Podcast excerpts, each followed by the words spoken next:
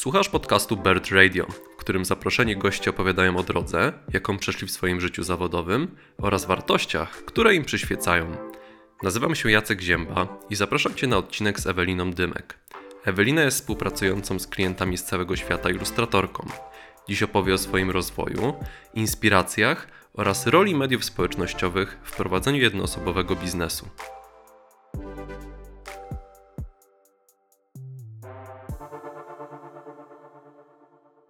Cześć Ewelina, bardzo mi miło, że przyjęłaś moje zaproszenie. E, pierwszy raz Twoje prace miałem okazję zobaczyć w magazynie Pismo. I gdzieś od razu szybko na Instagramie właśnie poszukałem Twojego profilu i no bardzo mi się spodobało i zostałem do teraz. I na stories śledzę i, i śledzę mm, Twoje prace. I przygotowując się do, tego, do tej naszej rozmowy teraz, e, gdzieś tam sobie poszperałem w internecie, szukając informacji o tobie i trafiłem na ilustrację Marka Koterskiego, w sensie twoją ilustrację przedstawiającą Marka Koterskiego sprzed 8 lat chyba, o ile tam dobrze odczytałem. I chciałem cię zapytać, jak kształtowała się twoja ścieżka rozwoju od tego Marka Koterskiego do dzisiaj. Szczególnie, że jesteś samoukiem, jak gdzieś tam podkreślałaś kiedyś e, i nie szłaś takimi sztywnymi ramami gdzieś tam narzuconymi przez, przez nauczycieli. Tak, e, tak w ogóle to cześć. Bardzo mi miło e, być tutaj z Tobą i że mogłabym coś powiedzieć o, o swojej pracy. Od dziecka rysowałam, zawsze to się gdzieś tam przywijało. Po prostu byłam zawsze ciekawa świata i poprzez zwykłą obserwację, eksperymentowanie, eksperymenty. No jakoś wykształciłam sobie ten warsztat, który obecnie mam. Cały czas go rozwijam, bo oczywiście to nie jest tak, że dojdę do jakiegoś punktu i uważam, że jest wszystko ok, tylko cały czas, tu cały czas się trzeba rozwijać. Oczywiście pewnie szybciej zajęłoby mi dojście do mojego stylu, do mojej techniki, gdybym korzystała z Akademii Sztuk Pięknych, gdybym była e, po szkole plastycznej ale no właśnie nie wiem, czy przypadkiem nie znienawidziłabym tego rysunku. Krążą różne historie, różnych historii się nasłuchałam od znajomych po ASP, że tak naprawdę dla nich to było troszeczkę strata czasu, a tak, będąc takim wolnym duchem, sama sobie określałam, co chcę uzyskać, e, czego chcę się nauczyć, czego, co chcę rysować i tak kurczę, szczerze mówiąc, mam wrażenie, że szłam za jakąś niewidzialną ręką. Ktoś mnie prowadził, nie wiem kto, ale no po prostu tak. Tak to się wszystko potoczyło, że jestem w takim momencie, w którym obecnie jestem, mam zlecenia, utrzymuję się jako, jako ilustrator, ale to zawsze była kwestia, nie wiem, mojego takiego za, samozaparcia, dyscypliny i po prostu tego, że kocham rysować. Mhm. A poza samym rysowaniem, jak czułaś, że właśnie dochodzisz do tego swojego stylu, szukając jakichś inspiracji, patrząc na innych twórców, jak ten proces przebiegał? Oczywiście podpatrywałam wielkich mistrzów rysunku, e, klasyczne e, ryciny. Patrzyłam, jak to robią ci, którzy są bardziej w tym wyszkoleni i no, na początku wiadomo, no, trzeba trochę imitować kogoś, żeby zobaczyć, zrozumieć e, dane, dane narzędzie. W moim przypadku jest to ołówek. Wcześniej też e, korzystałam z akwareli, z tuszu kreślarskiego, ale no właśnie, dzięki eksperymentom stwierdziłam, że bliższy jest mi ołówek i po prostu obserwowałam różnych artystów, tego jak się tym posługują i analizowałam, jak co trzeba zrobić, żeby powiedzmy uzyskać taki, a nie inny efekt. To jest bardzo ważne, że w pewnym momencie trzeba zrezygnować z jakiejś imitacji, z, z naśladowania i trzeba znaleźć swój własny styl, swój własny głos. Wydaje mi się, że taki znalazłam, ale no to dzięki temu podpatrywaniu, no w pewnym momencie trzeba powiedzieć dość, bo to może się przerodzić bardzo łatwo w jakiś plagiat, a no dużo, dużo takich plagiatów się oczywiście y, gdzieś tam pojawia w sieci, łatwo to wykryć. Tak, ja właśnie pamiętam, bo moim zdaniem jakby totalnie masz swój styl i patrzę i wiem, że to są twoje prace. E, właśnie kiedyś w kolejnym jakimś numerze pisma były ilustracje, zegarek był chyba smartwatch twojego, twojego autorstwa. Ja tak patrzyłem jeszcze nie zerkając na, na, na podpis i mówiłem, o, to na pewno Ewelina, więc jakby... Ojejku, to super. To jest, e, szczerze mówiąc, to jest jeden z takich największych komplementów, jakie ilustrator może usłyszeć, że już ktoś rozpoznaje styl kreski i że to, to wiadomo, że to jest robota tej osoby, a nie innej. Także no, dziękuję. Tak. W 2013 też Twoje prace zostały docenione przez Magdę Antoniuk i Grażynę Kulczyk. Brałaś udział w finale Art and Fashion Forum i byłaś na praktykach w Central St. Martins w Londynie. Nie, nie byłam. To nie ja. Nie, niestety nie, nie wygrałam tych warsztatów. No nie, nie. Ja po prostu y, grałam o ten e, staż, ten praktyki, y, kurs letni właściwie, ale niestety się nie udało. Mhm. A samo to doświadczenie właśnie całościowe, jakby czułaś, że, że wpłynęło na ciebie pod kątem rozwoju? Tak, tak, tak, zdecydowanie. To był chyba najważniejszy punkt, y, jakby to powiedzieć, mojej karierze to był ten moment, który dał mi dużego kopniaka do przodu i w którym zrozumiałam, jak połączyć swoją pasję z, z zawodem ilustratora. W ogóle kim jest ilustrator? W 2013 za granicą wiadomo było y, dużo ilustratorów i ten, ten zawód jeszcze był w miarę kojarzony, a w Polsce dopiero to gdzieś tam się pojawiało. Teraz to jest oczywiście przeżywamy jakiś boom ilustracyjny, że wszyscy chcą być ilustratorami, tak się śmieję. E, no, ale tak, to był ogromny dla mnie krok do przodu, bo zrozumiałam, jak mogłam przekuć, e, no, zmonetyzować moją pasję, bo oprócz samego rysowania mieliśmy też dużo rozmów e, z, no, z Magdą Antoniuk, która jest w sumie, no jest bardzo, bardzo, bardzo, bardzo utalentowaną i doświadczoną ilustratorką. I mogliśmy się dowiedzieć od niej z pierwszej ręki, jak powiedzmy rozmawiać z klientem, jak pokazać klientowi, że ilustracja może, wypro- może wypromować jego produkt.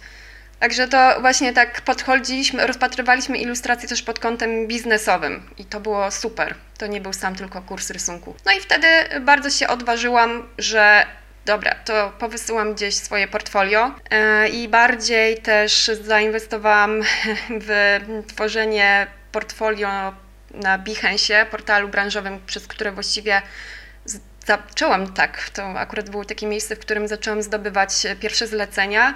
No i jakoś, e, jakoś tak się potoczyło dalej. No właśnie, a teraz też pod kątem tym, tym biznesowym współpracujesz z agencją e, kreatywną jak z Twojej perspektywy jako artystki, e, jak ważna jest taka współpraca?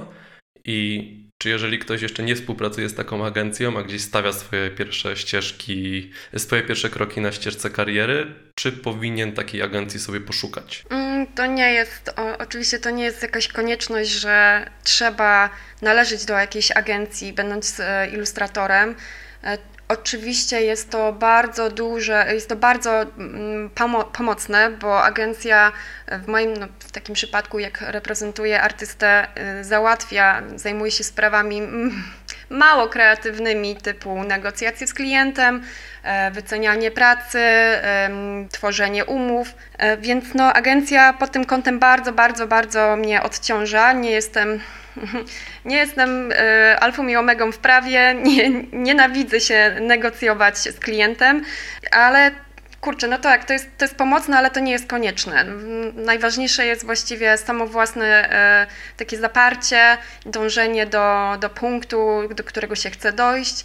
No agencja przy tym nas wspiera, ale to nie jest e, coś takie must have każdego ilustratora. Ale wiem, że dużo e, ilustratorów marzy o tym, żeby być częścią takiej agencji. A teraz częściej jest tak, że to ty albo agencja idziecie do klientów, jak są, nie wiem, jakieś konkursy, przetargi, nie wiem do końca jak to wygląda, czy częściej to do ciebie ktoś pisze, tak jak e, tam kiedyś opisywałeś, że, że Washington Post trafił do spamu? Tak, trafił mi kiedyś Washington Post do spamu, więc uwaga dla wszystkich sprawdzajcie spam. Kto wie, może się trafi e, wasze zlecenie marzeń. Trudno mi tak naprawdę powiedzieć, e, jak to wychodzi. E, no, na razie mam takie szczęście, że jednak klienci mnie znajdują i oni do mnie przychodzą, ale z, rozmawiając z agentem, sami mówił, że sami mówi często na jakie spotkania chodzi, z kim się widuje, więc na pewno jego spotkania e, online czy jeszcze przed pandemią mm, face to face z zagranicznymi klientami, bo e, ta agencja akurat też miała taką możliwość e, mm, wylotów do Stanów Zjednoczonych. No te spotkania na bank też się przekuły na różne okazję do współpracy, ale nie wiem, jak to wychodzi procentowo, ile klientów do mnie przychodzi, a ile tak naprawdę wychodzi z zapytań, wysyłania zapytań klientów albo jakiegoś marketingu. No, ja się do końca tym nie zajmuję, jeśli e, chodzi o działania agencji. Swój marketing uprawiam, to głównie tylko, e, no właściwie tylko na Instagramie, ale no nie wiem, nie, nie wiem jak to tam procentowo wychodzi. A też mówiłaś pod kątem tych, tych doświadczeń e, londyńskich, że wtedy w tym 2013 rola ilustratora w Polsce i Wielkiej Brytanii była inaczej postrzegana. Teraz jakby jest bardziej ten boom mm, na ilustratorów. E, ale też wspominałaś w którymś z wywiadów, że u polskich klientów masz trochę mniej tej swobody twórczej. I właśnie jak wygląda teraz współpraca z klientami z Polski i z klientami z e, zagranicy? I czy zdarza ci się otrzymywać uwagi do Twoich e, prac czy jakichś pierwszych szkiców, na które nie jesteś w stanie się zgodzić, że one, wiesz, nie są zgodne z tym, co byś chciała tworzyć? Zagraniczny klient wydaje mi się, że jest bardziej, on bardziej ufa ilustratorom. E, w sensie, jeśli decydują się na jego usługi, to wiedzą, że to jest też specjalista, że to nie jest osoba, która tylko o sobie tam, o, o nie wiem, rysuje kwiatki, koniki i pieski, e, tylko już jest wie, jak tą ilustrację wykorzystać, e, żeby promować dany produkt klienta. E, więc e, no, traktuje mnie jako specjalistę. W Polsce bywa z tym różnie, bo nie do końca wydaje mi się, że klient jest świadomy tego, na czym polega zawód ilustratora. Ilustracja nie służy tylko temu, żeby upiększać świat, ale ona też ma swoje zadanie, ona też powinna być użytkowa. Przynajmniej tak jest moje zdanie, że to nie, jest, nie chodzi tylko o piękno, ale o to, żeby, nie wiem, w moim przypadku y, sprzedać daną rzecz albo pokazać. No właśnie, no generalnie no, sprzedać daną rzecz. No nie ma co tutaj ukrywać. Ja dużo bardzo projektuję, rysuję komercyjnie y, i się tego nie wstydzę. No, polski klient wydaje mi się, że on jest no, troszeczkę tak patrzy na ilustratora tak pobłażliwie i tak, że no, też nie do końca wie, czego się może spodziewać, nawet widząc e, portfolio i styl danego ilustratora, no zdarzało się tak, że klient, który wiedział, jaką mam technikę, mówił, że był zaskoczony zupełnie, jak powiedzmy już oddałam finalną ilustrację, był zaskoczony, ale jak to, dlaczego tak to jest wyrysowane, dlaczego w takim stylu? A więc ten polski klient nie zawsze jest świadomy tego, jak to i, I, chciałem tutaj jeszcze wcześniej zapytać, e, co dostajesz od klienta takie uwagi, no, na które po prostu nie jesteś się w stanie z, zgodzić, które właśnie no, nie są zgodne z Twoim stylem? No zanim właśnie zacznę pracować, to zawsze uświadamiam, wolę się, nie wiem, tysiąc razy powtarzać, ale później unikać takiej sytuacji, e, w której na klient nagle jest zaskoczony, że czemu to jest ołówkiem, a nie akwarelą. Więc zawsze powtarzam, e, że ale jest Pan pewien tej techniki, bo ja w innej nie pracuję no ale czasami tak zdarza, no, no, wiadomo, uwagi zawsze się trafiają, feedback uważam, że jest bardzo ważny, zwłaszcza jak jest konstruktywny. E, nie mam nic przeciwko uwagom. Nie biorę tego już tak e, personalnie, osobiście, jak kiedyś to brałam. W sumie zależy od dnia. Czasami jest tak, że się tym przejmę, ale tak później nabieram dystansu, wie, dobra, to jest tylko zlecenie, to jest zadanie, to, niczy, to nie świadczy o, o Tobie jako osobie, tylko po prostu klient ma swoje wymagania i, i do przodu. No ale są takie, e, były takie też e, w mojej karierze sytuacje, gdzie klient bardzo chciał wpłynąć na, na moją technikę, no i wtedy po prostu musiałam ładnie ładnie mu wyjaśnić kolejny raz, na co się godził, e, albo no, bywały też takie momenty, że się żegnaliśmy. Rozumiem. Mówiłaś wcześniej właśnie, że design e, czy w ogóle ilustracja muszą być użyteczne, muszą spełniać jakąś rolę, że u Ciebie dominują te komercyjne projekty. I mimo, że głównie jesteś ilustratorką, to jednak są też projekty odbiegające od tego głównego nurtu Twoich prac, tak? E, ostatnio widziałem, że były takie akcesoria zoologiczne, jako właściciel psa bardzo trafiły w mój gust.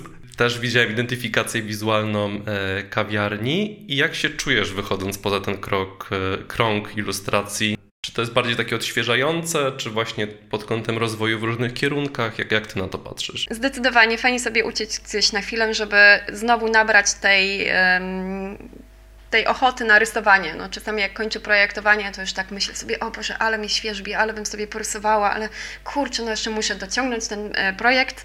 Już, no jak już kończę, to wtedy naprawdę jestem uradowana, no mimo, że to nie chodzi o to, że kończę zlecenie i o matko, wreszcie się skończyło to zlecenie, bo było jakieś upierdliwe, tylko po prostu yy, no ilustracja jest dla mnie największą frajdą i już no, nie mogę się doczekać, jak do niej wrócę, jak sobie zrobię taką małą przerwę. To jest dobre dla zdrowia psychicznego. Jasne, ale masz też inne poboczne projekty, niekoniecznie komercyjne. Ja jestem ogromnym fanem e, Twojego drugiego profilu Staff Garsey. E, no ale właśnie w Twoich pracach bardzo dominują postaci kobiece i też nie boisz się na swoim Instagramie wyrażać sprzeciwu na przykład dotyczącego pogwałcenia praw kobiet w Polsce. Wiem, że też współpracowałaś z fundacją Warriors in Pink. E, I jak te nurty feministyczne, myśli feministyczne i w ogóle świat kobiet, czy w ogóle archetyp kobiet, postać kobieca wpływają na, na Twoje prace? No, nie ukrywam, że kobieta jest dla mnie w sumie największą inspiracją poza naturą. No właśnie, ta kobieta jest dla mnie połączeniem wielu, wielu sprzeczności e, i takiego połączenia delikatności, ale też z drugiej strony, jak coś potrafi kobietę rozjuszyć, to, e, to chowajcie się wszyscy. Więc, e, kurczę, podoba mi się ta złożona natura. Ja nie mówię, że mężczyźni też nie są, nie są skomplikowani czy coś, żeby nie było, ale no, po prostu tematyka kobiety jest mi bliższa, bo sama jestem kobietą i uwielbiam podkreślać te nasze wady i zalety. Wydaje mi się, że znam dobrze ten temat.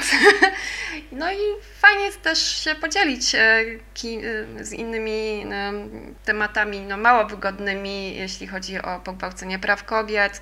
No nie uważam siebie za wielką e, działaczkę, aktywistkę, ale jeśli mogę zwrócić na coś uwagę, nawet tak delikatnie, jak po prostu podać dalej post na Instagramie czy na Facebooku, to zawsze trzeba zwracać uwagę na coś, co się po prostu nie powinno dziać. I to jest taka moja mała wewnętrzna misja, żeby też jakoś tam uświadamiać ludzi. Chociaż no, robię to bardzo nieśmiało, bo nie czuję się e, autorytetem tej roli, ale no, mam głos, tego używam.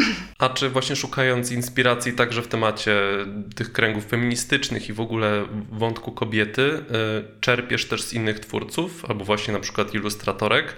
Wiem, że kiedyś e, chyba mówiłaś, że inspiruje cię Malika Favre. I czy właśnie Wśród tych inspiracji są też inne kobiety, jeżeli tak, to kto i w jaki sposób to w ogóle wpływa na ciebie? Trzeba popatrzeć sobie w Instagrama, kogo, kogo followuję, to będzie wiadomo, ale tak poważnie, no to nie, no Malika Favre jest dla mnie e, jedną z takich świetnych ilustratorek, która no niesamowicie operuje kolorem, e, kontrastem, no i tak u niej e, to, co właśnie powiedzmy chciałabym od niej zaczerpnąć, nie tak bezpośrednio, nie, nie plagiatując jej pracy, to właśnie ta zabawa kontrastem. To ja bym powiedziała, że od niej coś takiego podbieram sobie w swoich pracach. Też uwielbiam mm, kolejną ilustratorkę, tak, generalnie ona się ukrywa, e, no nie wiem, czy to jest pseudonim artystyczny, to jest na pewno jej imię Kelly, Kelly Anna.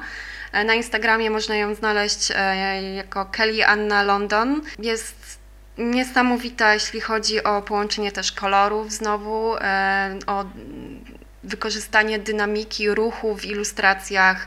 Świetnie równoważy ze sobą pewne geometryczne formy.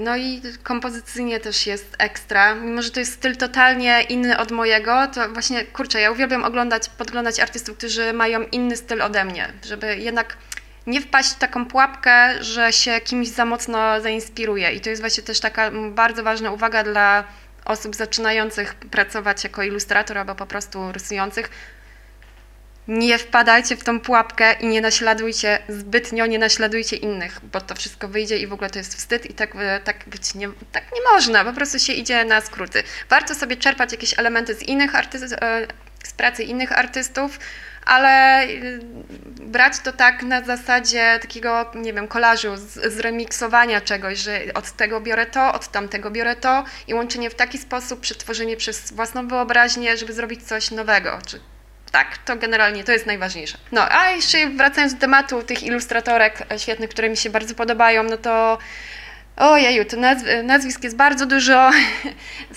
Jeśli chodzi o ilustrację modową, to uwielbiam pracę, pracę Anny Halarewicz. no, niesamowicie, ma niesamowicie ekspresyjną kreskę i w jej pracach jest bardzo dużo mody i kobiety, więc no, uwielbiam, uwielbiam. No, kocham, kocham jej pracę. A już będąc też w temacie inspiracji, yy, kiedyś mówiłaś, że są trendy w ilustracji, że to się gdzieś tam zmienia na przestrzeni ostatnich lat. I czy chciałabyś, aby wróciło coś do świata ilustracji, coś co było kiedyś? Jakieś trendy, nurty, inspiracje z lat 80., 50., jeszcze starsze, czy w ogóle do mody i architektury, w ogóle do tego świata kreatywnego? Czy chciałabym wrócić do jakiejś epoki, albo no nie wiem, coś z danej epoki wziąć? Nie wiem, ja nie lubię wracać do przeszłości. Fajnie by było jednak patrzeć do przodu, a robić coś zupełnie nowego, wykorzystując jakieś elementy z przeszłości, z jakichś z nurtów, e, sztuce, ale żeby to nie było znowu to samo, co było, bo to by było bez sensu. A jakie są Twoje marzenia jako ilustratorki? Jaki to jest taki, wiesz, szczyt tutaj marzeń? Czy to bardziej jest pójście w stronę, nie wiem, okładki New Yorkera? Czy bardziej, nie wiem, że twoja praca jest na okładce albumu ulubionego zespołu, czy bardziej tak pod ludzi, że wchodzisz do czegoś salonu, a tam twoja ilustracja na ścianie i tak masowo. tak, i paparazzi, i limuzyny, i czerwone dywany. nie no, każdy wiadomo ma jakieś tam marzenia jako ilustrator. Ja generalnie nie mam jednego konkretnego. Znaczy moim największym marzeniem, mm, e, powinno, powinno nie powinno mówić o marzeniach, bo wtedy się nie spełnią, ale dobra, zaryzykuję. Moim największym marzeniem jest to, żebym mogła pracować jako ilustrator e, na własnych e, warunkach jak najdłużej, bo zdaję sobie z tego sprawę, że to jest bardzo niestabilna praca i, i no jeszcze w Polsce tak stosunkowo młoda yy, i różnie może być, zwłaszcza jak się prowadzi działalność gospodarczą w Polsce, to, to już w ogóle jest um, Saigon i więcej pod górę niż z górki. No ale bardzo chciałabym się móc utrzymywać i żyć z ilustracji jak tylko się da i chciałabym się cały czas rozwijać, y, żeby nie osiąść nigdy na laurach, tylko kombinować i żeby być ciekawą nowych rozwiązań. Właśnie to są takie moje marzenia, ale jeśli chodzi o coś takiego bardziej bliskiego, no nie, znaczy, hmm, jakby to powiedzieć, coś bardziej konkretnego, no wiadomo, fajnie by było pracować z e, New York Times, e, to jest takie moje, no nieśmiałe marzenie, ale no zobaczymy, co z tego wyjdzie. Będę sprawdzać spam, bo kto wie, może coś tam się pojawi. Tak, nawyk trzeba sobie wyrobić sięgania do spamu kilka razy w tygodniu. Jeszcze chciałbym przejść do Twojego procesu twórczego generalnie i zapytać Cię właśnie, jak wygląda Twoja praca tak od dostania briefu, od rozpoczęcia gdzieś współpracy z klientem do takiej finalnej akceptacji. I od razu podpytam, czy w momencie, kiedy dostajesz zlecenie, myślisz bardziej o tym kliencie, czy bardziej o odbiorcy tej pracy finalnym?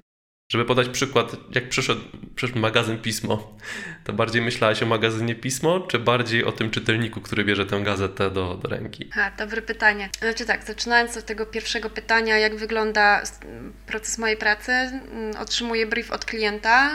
Y, te briefy są czasem bardzo złożone, a czasami y, wyglądają no, są w postaci jednego zdania, jak to, co ma być, albo w jakie kolory mają być użyte i tyle. I no ja lubię, jak są jednak konkretne, e, bo wtedy wiem, że no, wiem, jakie są oczekiwania i nie, nie mijamy się z klientem w danym w jakimś punkcie. Mm, ale tak, już mam ten brief, siadam, analizuję go, czytam i wtedy przychodzi kolej na jakieś pierwsze szkice koncepcyjne. To są takie bardzo luźne szkice. Generalnie nie chwalę się nimi, bo to jest jak kura pazurem, ale to generalnie chodzi, um, chodzi o to, żeby klient zobaczył, jaką mam pomysł, jaki mam pomysł na kompozycję i nie wiem, czy dany element mu się e, w tym miejscu podoba, czy jednak coś e, zmienić. I zazwyczaj na tym etapie szkicu nie, nie korzystam w ogóle z kolorów. Wszystko jest czarno-białe po to, żeby mm, klient się tylko skupił na kompozycji. Bo jak się już pojawiają kolory, to często jest, zaczyna się też e, grymaszenie, że a może nie żółty, może czerwony i to jest takie, no skupmy się najpierw na formie, a później na jakichś takich, e, też oczywiście kolory jest bardzo ważne, ale no najpierw jednak ustalmy jakiś podstawy, a później te kolory możemy sobie zmieniać dowoli, bo kolory nanosza, nanoszę już cyfrowo w Photoshopie, więc nie jest problem, żeby zmienić kolor w dowolnej chwili. Ale tak, no i wysyłam szkice. Zazwyczaj są to dwa szkice mm, do wyboru i klient wybiera albo albo nie wybiera i jeszcze ma jakieś uwagi, no to wtedy powiedzmy tam z kilka rund poprawek. Jak już dojdziemy do tego finalnego punktu, gdzie jest już wyszła bardziej konkretna wizja kompozycji i oboje, obie strony się zgadzają, to wtedy już przechodzę do wyrysowania finalnej ilustracji ołówkiem na papierze, bo szkice robię zawsze cyfrowo. To mi bardzo przyspiesza robotę, nie muszę niczego skanować, mogę od razu coś wymazać i to, to jest bardzo fajna sprawa. E, ale już finalna ilustracja zawsze jest wyrysowana ołówkiem na papierze i to czasami jest tak, że każdy element z ilustracji jest rysowany osobno i składam je ze sobą już w Photoshopie po zeskanowaniu. Edytuję te zdjęcia, znaczy te zdjęcia, edytuję te elementy wyrysowane albo całą już gotową kompozycję edytuję, czyli usuwam jakieś plamy, plamy po mm, ołówku, jakieś plamy palców, często się tak zdarza. I na sam koniec właściwie dodaję już koloru. No i wtedy wysyłam klientowi podgląd, czy, czy mu odpowiada, czy się zgadza. Jeśli znajdzie się taka, jeśli dojdzie do takiej sytuacji, że klient jednak stwierdzi, że ta kompozycja jest nie, że nie jest fajna i chce zmienić, no to wtedy już, no wiadomo, cena idzie w górę nie robię nic za darmo, już po pewnym czasie trzeba się nauczyć e, odmawiać i mówić, że no, to jest moja praca, to jest mój, mój czas, muszę opłacić podatki i wchodzi wtedy taka smutna proza życia. No, ale tak, generalnie no to jak już klient wybierze daną ilustrację, to, no, to się pojawia dalej w sieci, e, w prasie. Czy długo ci zajęło dojście do tego momentu, że umiesz na koniec powiedzieć, że tak, spoko, będzie tam ta 40 tura poprawek, ale no z, na dodatkowym punkcie na fakturze? Ten moment, w którym już y, stałam się bardziej asertywna niż kiedyś, y, nie wiem kiedy on dokładnie nastał, jakoś tam przez te nie wiem, 8 lat pracy w ilustracji no człowiek już inaczej też patrzy na, na życie, y, na swój czas własny, że no kurczę, no tyle, tyle czasu, no właśnie, czas to pieniądz, no krótko mówiąc. Mhm. E, a to wcześniejsze pytanie było, e, czy bardziej myślisz o kliencie, czy o finalnym odbiorcy ilustracji? Mm, no, nie ukrywam, że no najbardziej zwracam uwagę na wymogi klienta, no bo jednak klient to jest klient, to trzeba się go słuchać. On przychodzi do mnie z jakimiś e, założeniami e, na temat, nie wiem, swojej marki. Ja tej marki nie znam czasami, albo ją znam słabo, albo dobrze, ale tak czy siak on wie, czego chce. No, ale odbiorcy też oczywiście, że pamiętam. No, odbiorcy pamiętam, to jest też waż, ważny odbiorca jest w każdym momencie, ale bardzo ważny jest w edytorialach, w, właśnie w ilustracjach prasowych, że ta ilustracja musi być też jakoś wizualnie atrakcyjna, żeby no po prostu czytelnik był zaciekawiony, żeby ta ilustracja też go jakoś tak e, zachęciła do przeczytania tekstu. Bo jak widzimy na przykład, no czasami są takie osoby, które widzą, że tego tekstu jest dużo niż trzy e, trzy linijki, to już o nie, nie, nie, nie. no i po prostu ta moja praca trochę pomaga tekstowi e, się jakoś wybić. No nie tak, tak mam nadzieję, że tak jest. Jako ilustratorka pracujesz jako freelancerka i zmagasz się nie tylko z podatkami w Polsce i trudem działalności gospodarczej, natomiast zmagasz się też pewnie z work-life balance i z czasem nagromadzeniem pracy, a czasem, że za mało i tak dalej. I chciałem Cię zapytać, czy po całym dniu spędzonym z ilustracjami, czy, czy, masz czas jeszcze na przykład rysować dla przyjemności? No właśnie, ten, to hasło work-life balance to jest słowo ostatnio bardzo, bardzo przeze mnie zaniedbywane, znaczy słowo, to pojęcie jest bardzo zaniedbywane przeze mnie. Myślę, że chyba nigdy nie dojdę do takiego zdrowego balansu, bo jednak jak, jak coś jest Twoją pasją, to zapominasz czasami o całym świecie. E, no, istnieje ryzyko, że się w pewnym momencie ktoś wypali. E, następują wtedy chwile e, mało wesołe. Ciężko, no nie, w tym temacie to może ja nie jestem ekspertką, nie powinnam się wypowiadać, bo czasami mam sesje 12-godzinne e, no, ilustrowanie przez 12 godzin z przerwami wiadomo na jedzenie i spanie. A czasami jest tak, że no, w pewnym momencie już powiem sobie, no dość, że już czuję, no już mój organizm jest na tyle mądry, że sam mi daje znaki, że Ewelina, już musisz, jednak musisz przystopować. Wiem, że to są już często pewnie takie skrajne sytuacje, gdzie organizm odmawia posłuszeństwa, jak na przykład, nie wiem, bolący nadgarstek albo bolące oczy i w ogóle. Czy masz czas na jeszcze narysowanie dla przyjemności? Mam, tak. Mam czas. Ostatnio Y, więcej nawet. Czas zawsze się znajdzie, ale czy się chęci znajdą, no to już jest inne, inne pytanie. Ale wiem, że no trochę zaniedbałam ostatnio takie rysowanie dla siebie, a to jest y, bardzo ważna rzecz, że nie, prac nie pracuje się tylko i wyłącznie dla klienta. Czasami trzeba zrobić swój własny prywatny projekt, bo ma się wtedy szansę wyćwiczyć swój warsztat, coś nowego stworzyć, y, przetestować jakieś nowe rozwiązania. No i no właśnie, no po prostu się rozwijać. Ja wiem, że no, ostatnio bardzo to zaniedbałam. A załóżmy, że ten work-life balance idzie lepiej i idziesz na urlop albo gdzieś wyjeżdżasz i tak dalej. I czy jesteś w stanie odciąć głowę od y, ilustrowania?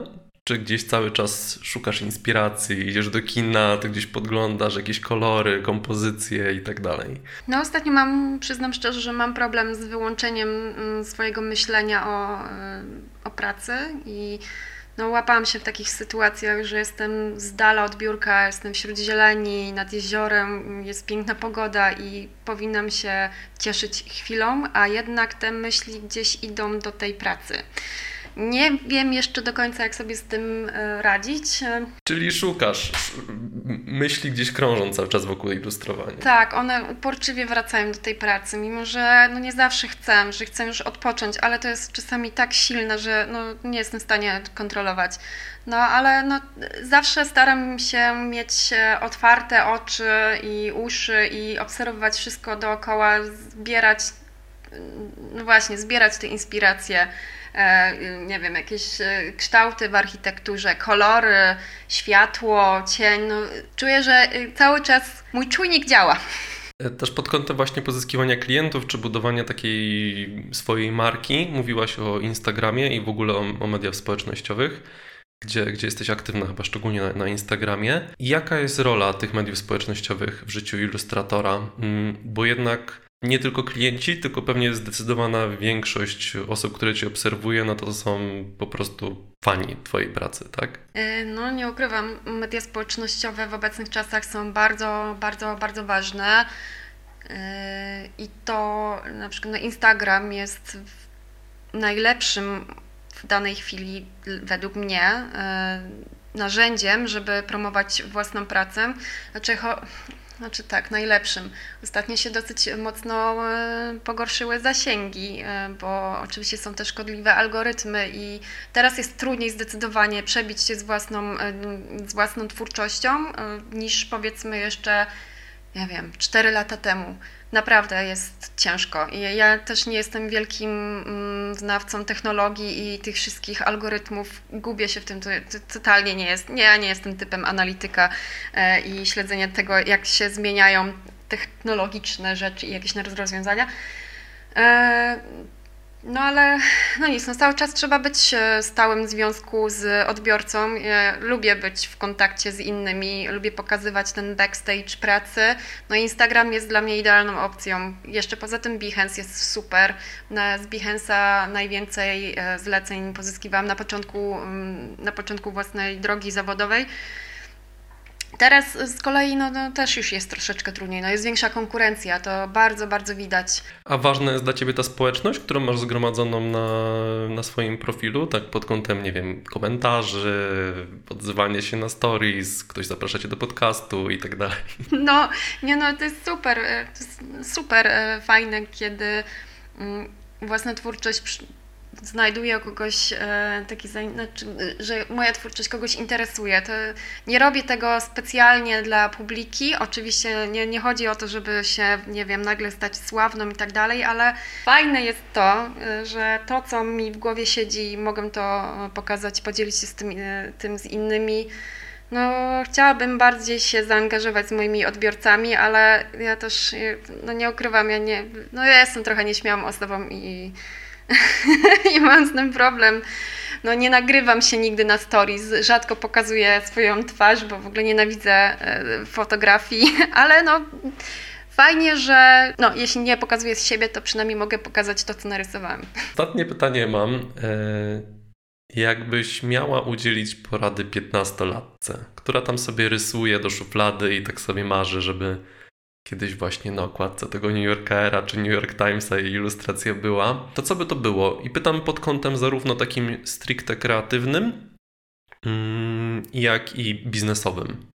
Kilka rzeczy już padło teraz w trakcie tej naszej rozmowy, ale czy jeszcze byś coś dodała? Przede wszystkim wyjdź y, z własną twórczością do innych, bo to, że chowasz rzeczy w szafie, w szufladzie, no one, one same nie wyjdą, po prostu trzeba je pokazać i nikt sam do ciebie nie przyjdzie, tylko no, trzeba zrobić ten pierwszy krok i się odważyć. Wiadomo, no, to, to jest przerażające pokazywać e, swoją twórczość, gdzie no, obecnie w sieci bardzo dużo jest hejtu i, i jakiejś zazdrości, no ale kurczę, bez, bez tego pierwszego kroku nic, nic nie zdziałamy, nic, nic nie zdziałamy i trzeba być, no, trzeba być odważnym. E, na pewno trzeba, znaczy no trzeba. Fajnie by było, gdyby eksperymentowała jak najwięcej z różnymi narzędziami, bo to się może zmienić w każdej chwili, że na początku jest fajnie się bawić akwarelą, ale jednak powiedzmy, nie wiem, ołówek w moim przypadku, on się stał jeszcze lepszym narzędziem do pokazywania tego, co, co mi siedzi w głowie, e, do właśnie do ekspresji. Um, no właśnie, praktyka, praktyka, praktyka, jeszcze raz praktyka. Cały czas trzeba e, rysować, szlifować, nie zrażać się błędami.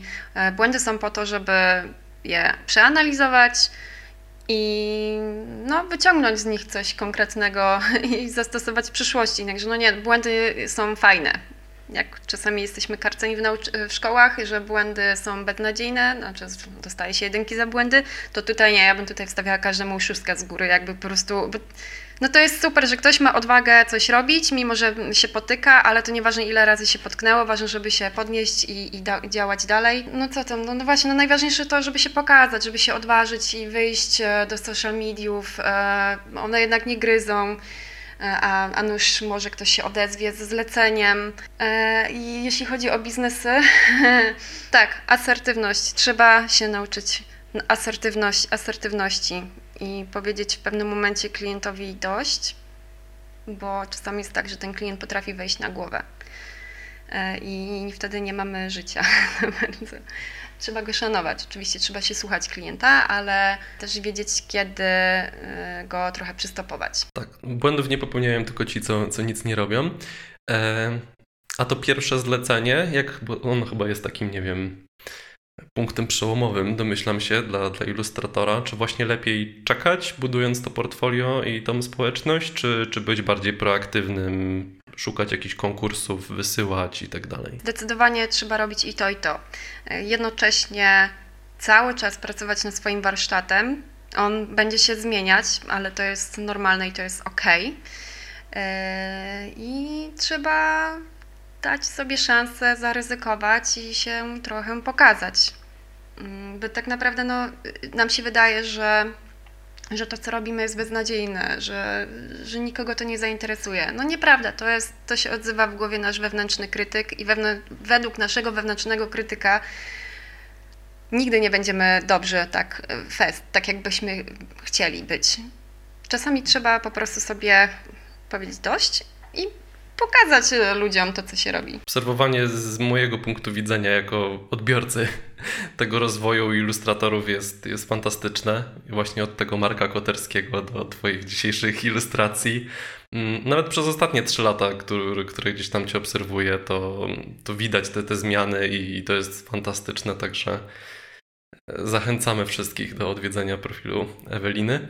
A ja Ci bardzo serdecznie dziękuję za rozmowę i za Twój czas. Było mi niezmiernie miło z Tobą porozmawiać. O, mi również. Bardzo dziękuję za zaproszenie. Fajnie było, e, to jest w sumie mój taki debiut, jeśli chodzi o podcast. E, fajnie było mieć taką możliwość wypowiedzenia się. Rzadko to robię, bo e, strasznie mnie nerwy biorą, w sensie bardzo się stresuję. Jeśli ktoś znajdzie coś cennego dla siebie w tej rozmowie, no to dla mnie będzie największym osiągnięciem i w ogóle komplementem.